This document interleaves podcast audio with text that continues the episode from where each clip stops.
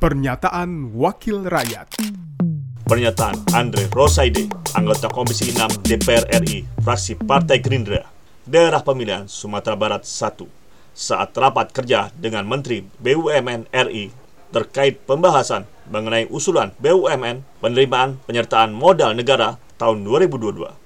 Dari keterangan Pak jajaran Direksi Bio Farma, Indofarma, Kimia Farma, Papros kepada kami bahwa hampir seluruh bahan baku obat kita ini impor. Apa tidak mungkin dalam penyertaan modal negara tahun ini ya disiapkan PMN untuk membangun pabrik bahan baku obat sehingga ketergantungan kita kepada negara luar itu bisa kita kurangi dan juga memberikan tambahan dana untuk meningkatkan produksi obat maupun vitamin yang ada karena kita tahu obat-obat yang diproduksi seperti Indofarma Oseltamivir itu habis di pasaran.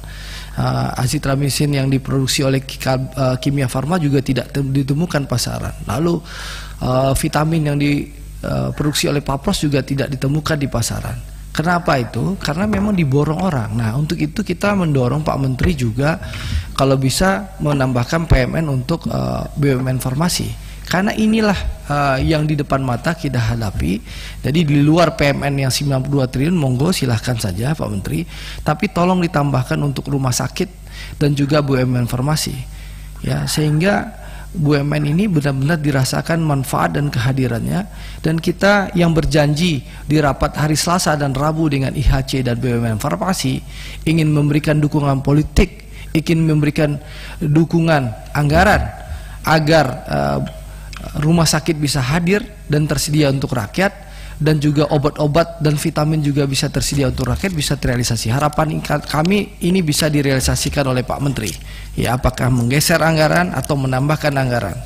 Pernyataan Andre Rosaide, anggota Komisi 6 DPR RI, fraksi Partai Gerindra, daerah pemilihan Sumatera Barat 1. Produksi TV dan Radio Parlemen, Biro Pemberitaan Parlemen, Sekjen DPR RI. Pernyataan Wakil Rakyat.